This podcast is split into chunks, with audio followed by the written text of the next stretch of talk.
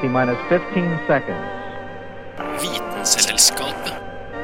T minus 10, 9, 8, 7, 6. We have main engine start. 4, 3, 2, 1, and liftoff. Vitenselskapet. Vitenselskapet på Radio Nova.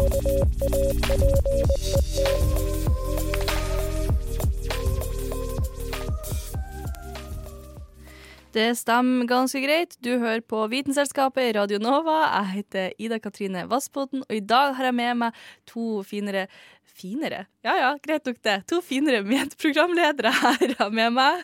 Jeg, jeg, jeg tar den. Dag Løvold Magnussen heter jeg. Hvordan går det med deg, Dag? Du, jeg har det omstendighetene tatt i betraktning ganske bra. Oi, høres ut som noen må dø. Og så har jeg med meg Anna Vik Rødseth. Det går ganske bra. Er bare fettelei av korona. Det tenker jeg, Anna Vik Rødseth, det er helt OK. Det er vi alle sammen. Eh, så i dagens sending skal vi ikke prate noe om korona i det hele tatt.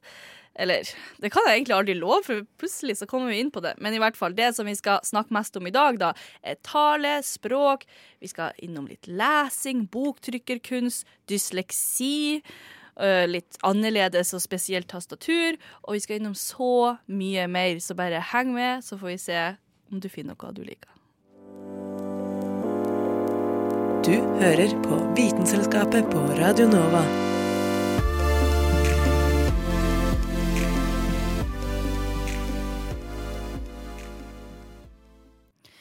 Det sies at et eh, bilde sier mer enn 1000 ord. Men for de som ikke kan se, har jo bilder ofte sagt null ord. Ganske åpenbart. Mens eh, programmer jobber for å omgjøre tekst til lyd, har også livet blitt enklere for de som er blind.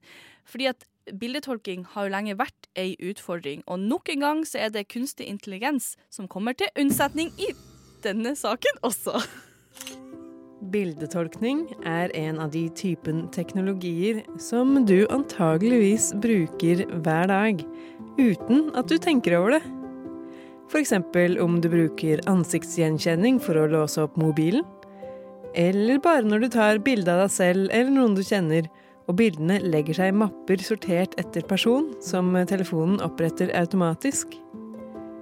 Kanskje ble produktene du bruker skanna for å sjekke om alt var i orden med dem før du fikk kjøpe dem? Bildetolkningsteknologi er allerede i ferd med å revolusjonere spillutvikling, reklamealgoritmer og er grunnleggende for å utvikle selvkjørende biler. Det hjelper jo om bilen klarer å se om det står et menneske i veibanen. Sånn sett er bildetolkningsteknologi for blinde eller svaksynte bare en veldig liten, men nyttig del av det. Det gjør f.eks. at dere lyttere kan få et audiovisuelt bilde av hvordan det ser ut her i studio, Bilde 1 er svart flatskjerm dataskjermshot på ved siden av svart tastatur. Bilde 2 er svart og sølv mikrofon på brunt trebord. Bilde 3 er kvinne i svarte hodetelefoner som tar selfie. Det er kanskje ikke helt perfekt, men dette er da altså fra en app som gjør at jeg kan ta et bilde, og så blir det som er på bildet gjenkjent. Ikke av et menneske, men ved hjelp av kunstig intelligens. Men hvordan klarer den kunstige intelligensen å se hva som er på bildet? Svaret er ganske enkelt ved hjelp av trening. Litt som du selv gjør når du ser på et bilde, så trekker bildetolkningsteknologien ut det viktigste i bildet og ignorerer resten. For å gjøre dette bruker den gjenkjennelsesalgoritmer som blir trent til å identifisere det den ser. Hvis eh, algoritmen f.eks. skal lære seg å gjenkjenne en hund, blir den vist tusenvis av bilder av hunder. Og tusenvis av bilder med bakgrunner hvor det ikke er noen hund. Til slutt skjønner han hva det er som identifiserer en hund.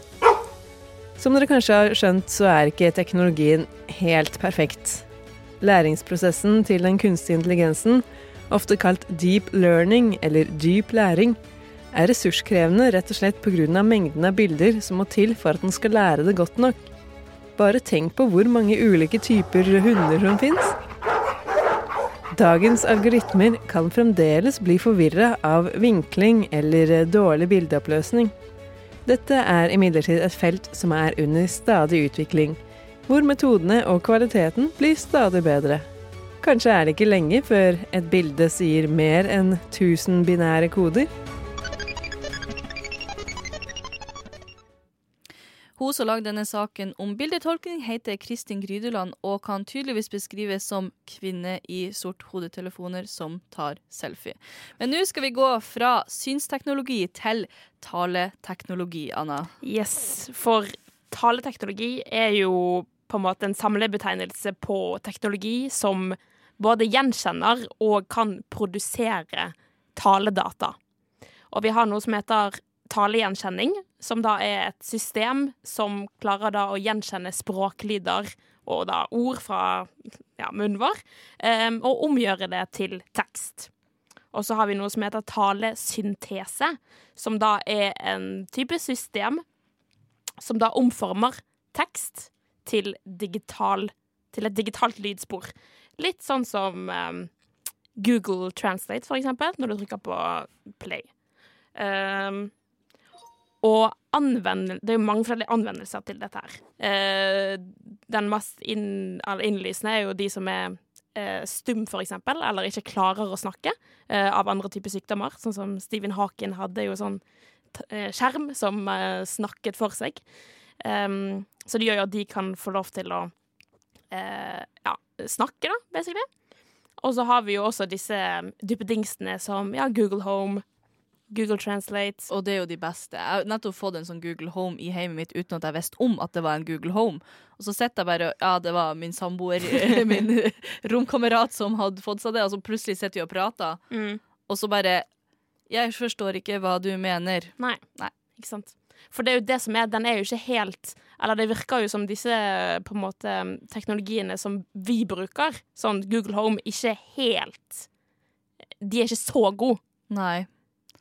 Men de, av og til så må man prate på engelsk også, men det er jo kanskje noe man kan stille inn. Jeg vet ikke hvor nøye går man egentlig inn på hvert språk. Altså Det er jo så mange språk. Hvordan kan man da mm. helt tatt tilpasse etter, etter hver Altså dialekt er også. Mm. Jeg lurer sånn på hvordan klarer den da å lære å skjønne nøyaktig og, og gjengi dialekta di? Ja, det må jo være ganske vanskelig, eller sånn Jeg tenker jo eh, Det er jo også. Altså, grunnen for at man vil bruke sånne type teknologier, er jo at man ikke vil skrive. Eh, og det er jo irriterende for å, å endre måten man snakker på, bare for et annet system skal skjønne hva du sier. Ja, fordi jeg tenker Altså, Det er jo veldig upraktisk hvis du skal drive sånn som jeg skal drive og snakke bokmål fordi at jeg skal bli korrekt skrevet. Ikke sant? Den Ja. beste teknologien hadde jo vært at noen hadde skjønt det her svada-driten jeg drev sier, og så oversette det til korrekt norsk. altså, det hadde jo vært det ultimate, men vi er vel kanskje ikke kommet så langt. Nei, jeg kan jo gi et lite eksempel, for lite visste dere at jeg tok opp oh, det vi har snakket om. Fordi på Word eh, så har de en funksjon nettopp med dette mm, talesyntese. At de omformer det vi sier, til tekst. Så det jeg ser foran meg nå, er et Word-dokument som eh, skriver for meg det vi har snakket om. Um, så da kan jeg stoppe her. Mm -hmm. oh, Og så skal vi prøve å høre hva da Word har klart å uh, skrive ned. Å anvende Det er mange anvendelser til dette her til den mest innær innlysende er jo de som er stum for eksempel eller ikke klarer å snakke av andre typer sykdommer som Steven Haken hadde jo som skjerm som snakket for seg som gjør at de kan få lov til å og ja, jeg snakker da hver side, og så har vi jo også disse dingsene som Det er jo ikke optimalt, vil jeg påstå. Det er ikke Å, Gud, så hun kjører på. Det, Altså, hun, det, hun, hun er ikke halvveis. nei, hun er ikke halvveis, nei. Nei, har, eh, har hun eh, et navn, denne Word-personen? Jeg så i sted at eh, stemmevalget mitt er på en person som heter Nora. Men det der er jo samme dama som snakka i, Ja. eh, Google, altså i Google Translate også, Ja, det er og det. som vi hørte i saken til Kristin, Ja. med bildetolkninga. Mhm. Eh, så jeg tenkte det var noe sånn her. Men det som også er jo at når hun leste opp, da, det er jo ingen punktum, det er jo ingen komma. For at du prater jo på en måte ikke det, men de her kunstpausene dine blir jo ikke tatt med, og det her ekstraordene dine, liksom, bla, bla, bla, bla, bla, og alt det blir liksom Ja, liksom. Altså, det blir tatt med, og det Ja, høres helt for jævlig ut. Ja, det gjør jo det. Så Men Google, litt av greia med Google Home eh, går vel på det Kristin prata om i saken sin om eh, artificial learning. Fordi den hører jo på deg når den ikke er på en måte kalt inn i samtalen Ja. også. Så sitter den der ja, eh, hvor- eh, 'Hvordan er det Anna prater da?' 'Ja, jeg bruker de orda sånn og sånn, ja. Ja, nå, nå, nå begynner jeg å forstå litt grann her.' eh.» Og så snekrer han det sammen til en liksom språkprofil eller et eller annet. Da, I tillegg til å sende det inn til hovedkvarteret, selvfølgelig. Men Ja, ja. Det, det virker som det er sånn de på en måte er skapt for å lære seg. Da. Ja. ja. Men jeg tenker, hva Altså sånn, for oss som kan Altså kan snakke og kan høre og alt her, hva, tenk, hva ville det vært nyttig for oss? Vil dere ha brukt det i for eksempel forelesning? Nei. Nei. Da ville jeg heller tatt opp og hørt på Ja. lydsporet etterpå. Og så sitte og transkribere ja, sjøl? Ja. Ja. Ja. Er det forresten lov? Jeg vet ikke. Nei, ikke jeg heller. Ja, ja. Vi sier takk til deg, Anna, med det. Vitenselskapet. Vitenselskap. Vitenselskapet. Vitenselskapet. Vitenselskapet.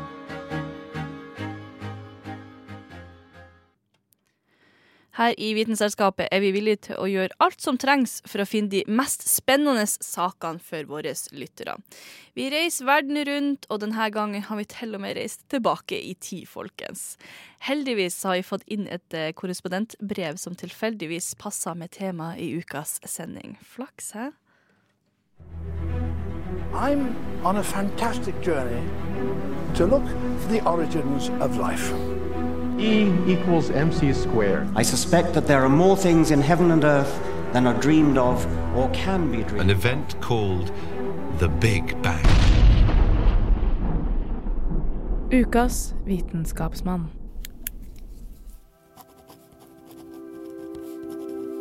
Kjæreste Vitenselskapet. Håper dette brevet finner dere vel. Jeg skriver til dere med store nyheter. Men det er nok åpenbart nå.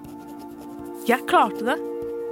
Tidsmaskinen jeg har brukt de siste ti årene på å lage, har endelig funket som den skal.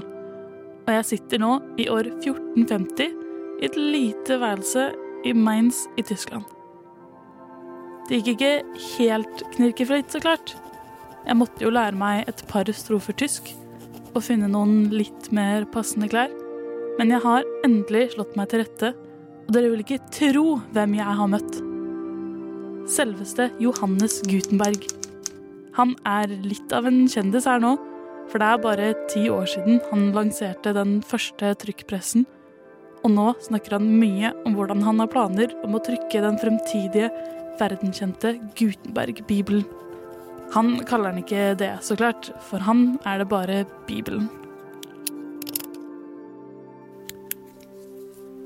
Etter å ha blitt kjent med Johannes, har jeg også vært så heldig å få en innføring i hvordan trykkpressen faktisk fungerer.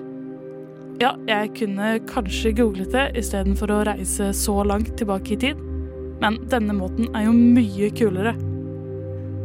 Så for å få noe trykket med disse pressene, må man først få tak i papir fra Kina, liksom papiret jeg bruker for å skrive dette brevet med. Man må jo uansett ha blekk, men med trykkpressen bruker man to store lærballer til å påføre blekket til store metallplater som har den ønskelige teksten på seg. Deretter må man skyve på et stort håndtak som dytter papiret ned på metallplatene. Og simsalabim, så får du deg en bibel. Mer eller mindre. Maskinen han lagde er faktisk ikke så ulik måten dere trykker aviser og bøker på i 2020, men prosessen er bare litt mer mekanisk. Vi ses igjen når enn jeg klarer å få denne tidsmaskinen til å flytte meg framover mer enn ett sekund om gangen. Med hilsen deres Julianne.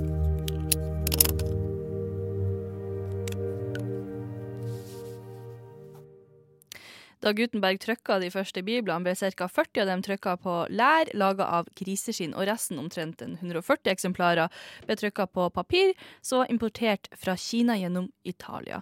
Og det var Jolande Liv Fjell som hadde laga denne saken, og vi håper hun kommer tilbake i nærmeste framtid.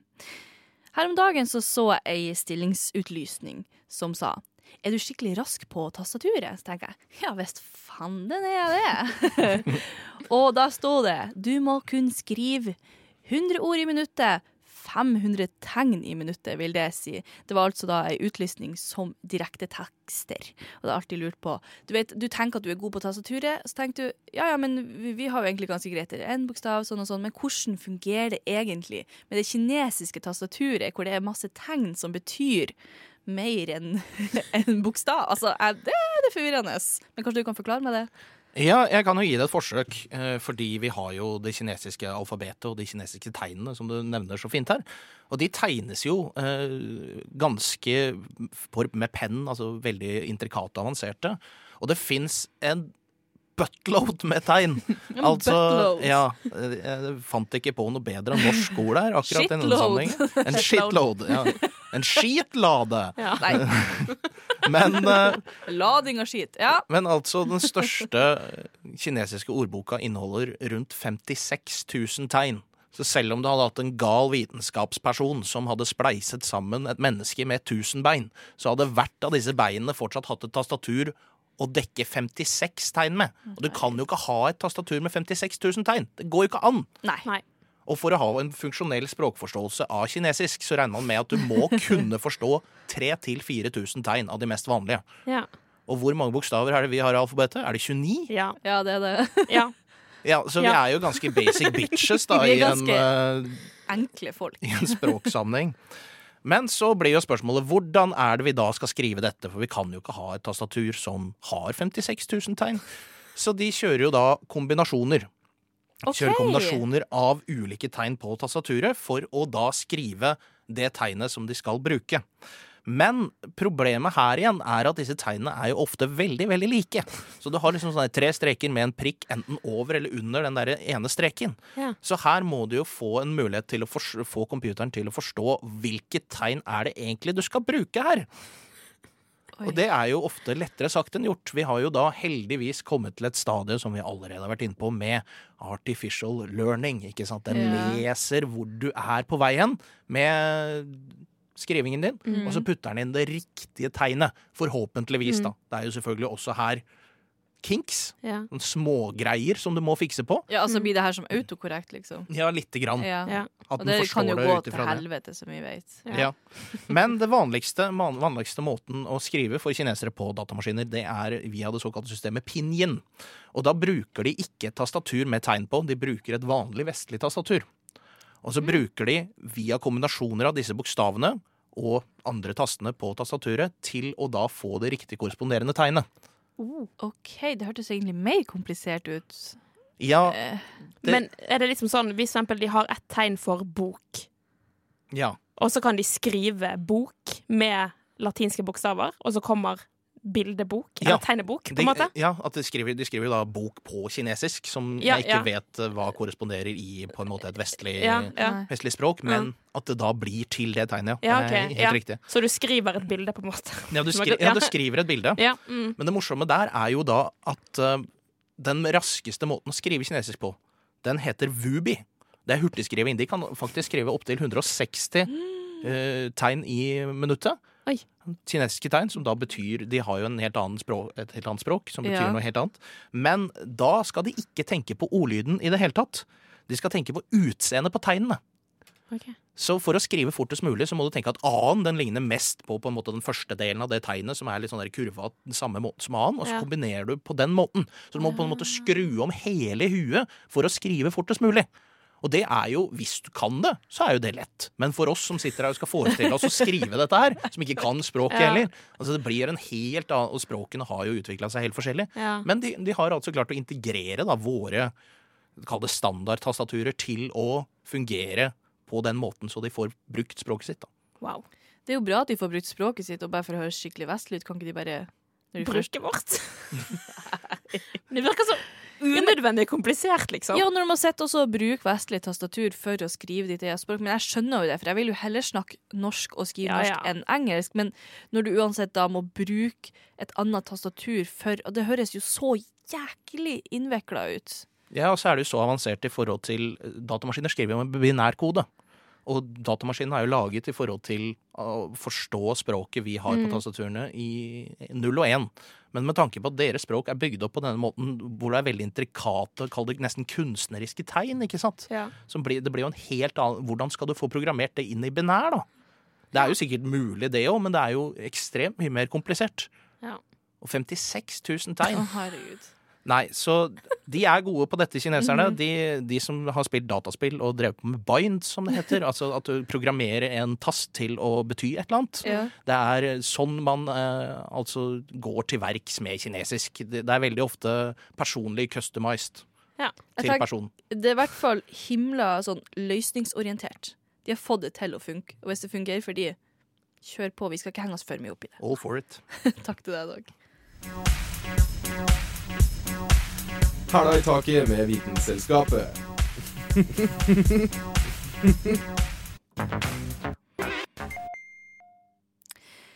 Hun gikk en tur fra stien og søkte skogens ro. Da hørte hun fra lien en gjøk som gal ok-ok. Se for deg at du går på en sti gjennom skogen. Blikket ditt veksler mellom trærne rundt deg og stien foran deg. Og skrittene dine går på autopilot. De er lette og rytmiske. Men nå skal du rette blikket kun mot trærne. Se godt på ett og ett tre, og virkelig ta inn hvordan hvert eneste tre ser ut. Ops! Der snubla du i en rot på stien. Dette funker jo ikke. Du må konse på veien. Du skal nå bare se på stien og konsentrere deg om skrittene dine. Du unngår å snuble i stubber og steiner, men når du kommer fram til leirplassen og vennen din spør deg om du så den vakre utsikten på veien, har alt utafor stien gått deg helt hus forbi. For en dyslektiker er det å lese en tekst kanskje litt som denne skogsturen. Hvert eneste skritt, altså hver eneste bokstav, krever fullt fokus for å unngå å snuble. Dyslektikere kan f.eks. oppleve at bokstaver hopper, snur og speilvender seg på arket. Spesielt vanskelig kan det være å skille mellom bokstaver som ligner på hverandre, f.eks.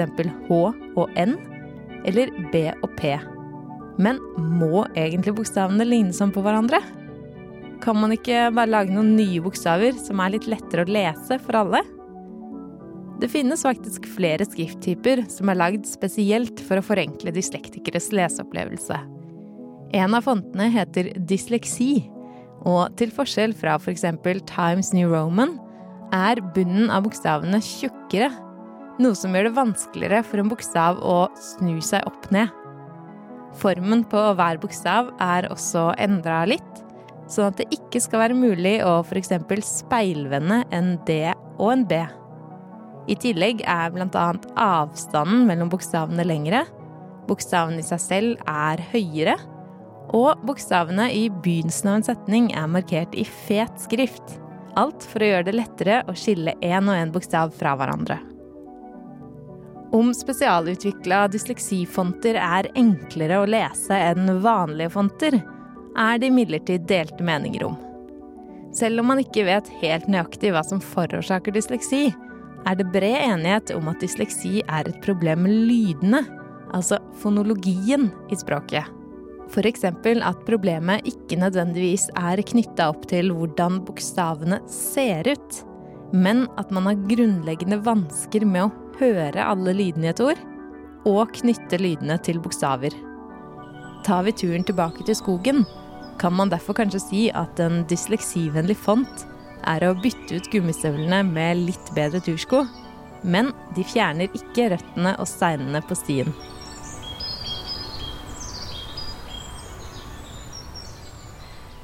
Det estimeres at ca. 5% av befolkninga har dysleksi, og det er ikke nødvendigvis bare bokstavene som stokker seg.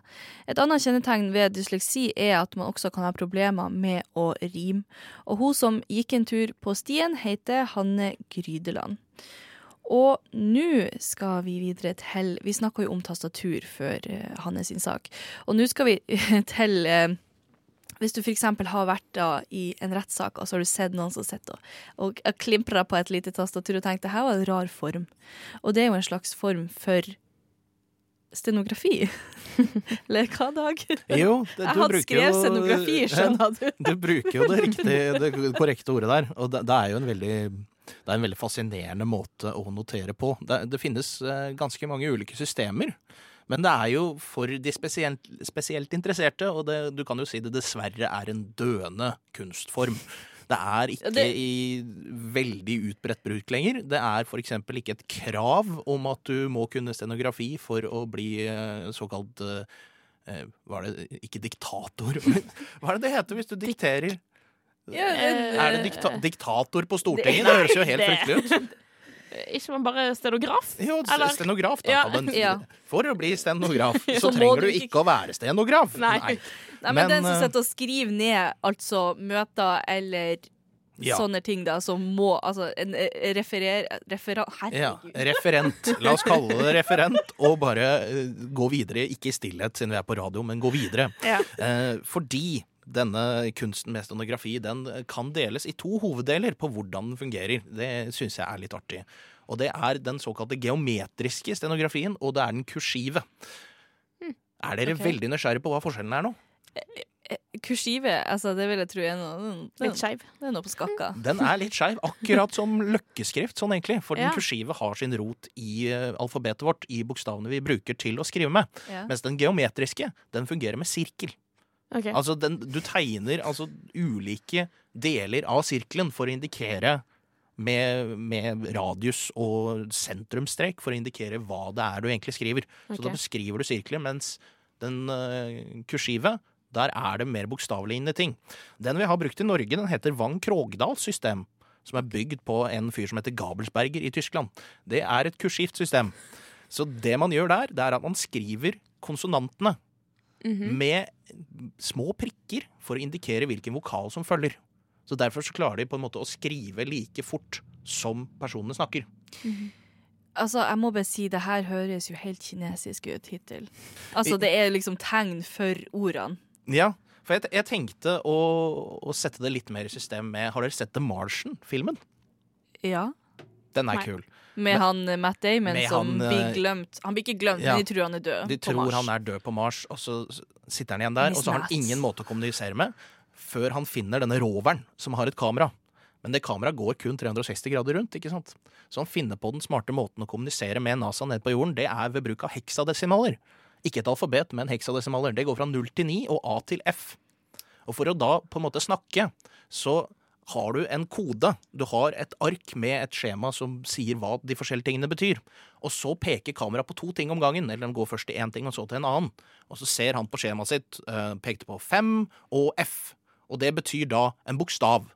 Ja, OK. okay. Det blir litt sånn morsekodeaktig. Ja. Og det er nettopp dette liksom med kommunikasjon. Ja, som, som egentlig er basis for all kommunikasjon. At du må ha en, du må ha en eh, kall det en fasit i ene enden. Du må vite hva det er du prøver å kommunisere.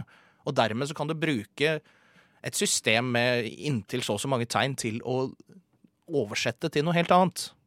Og dette er jo Altså Nå er vi virkelig nede på deconstructing language her. Altså Det er jo hele basisen i måten vi kommuniserer på. Er jo at du har det samme referanserammen som meg. Mm. Så du vet når jeg putter ordene sammen i denne sammenhengen. Hva det betyr. Ja! Men hvorfor er liksom stenografen Hvorfor dør den? Hva er det som er tatt over for den? Nei, det er jo en sånn liten teknisk variant som har oppstått dette, eller forrige århundre, da, som gjør at vi sitter her og prater med hverandre nå.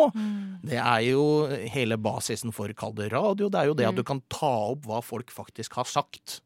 Så det blir faktisk mer nøyaktig. Ja. Med mindre det er noe bug med lyden.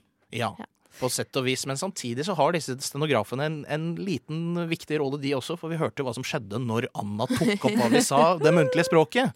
Og det fungerer jo litt sånn på talerstolen også. Så derfor så får de et ansvar for å bevare essensen i hva som har blitt sagt, men samtidig få det til å se skriftlig ut, som ikke det er en full sjømann som står på en bar og skriker ut det som har blitt sagt. Smart. Da får vi takk til deg, Dag, for å forklare oss det her kompliserte stenografien.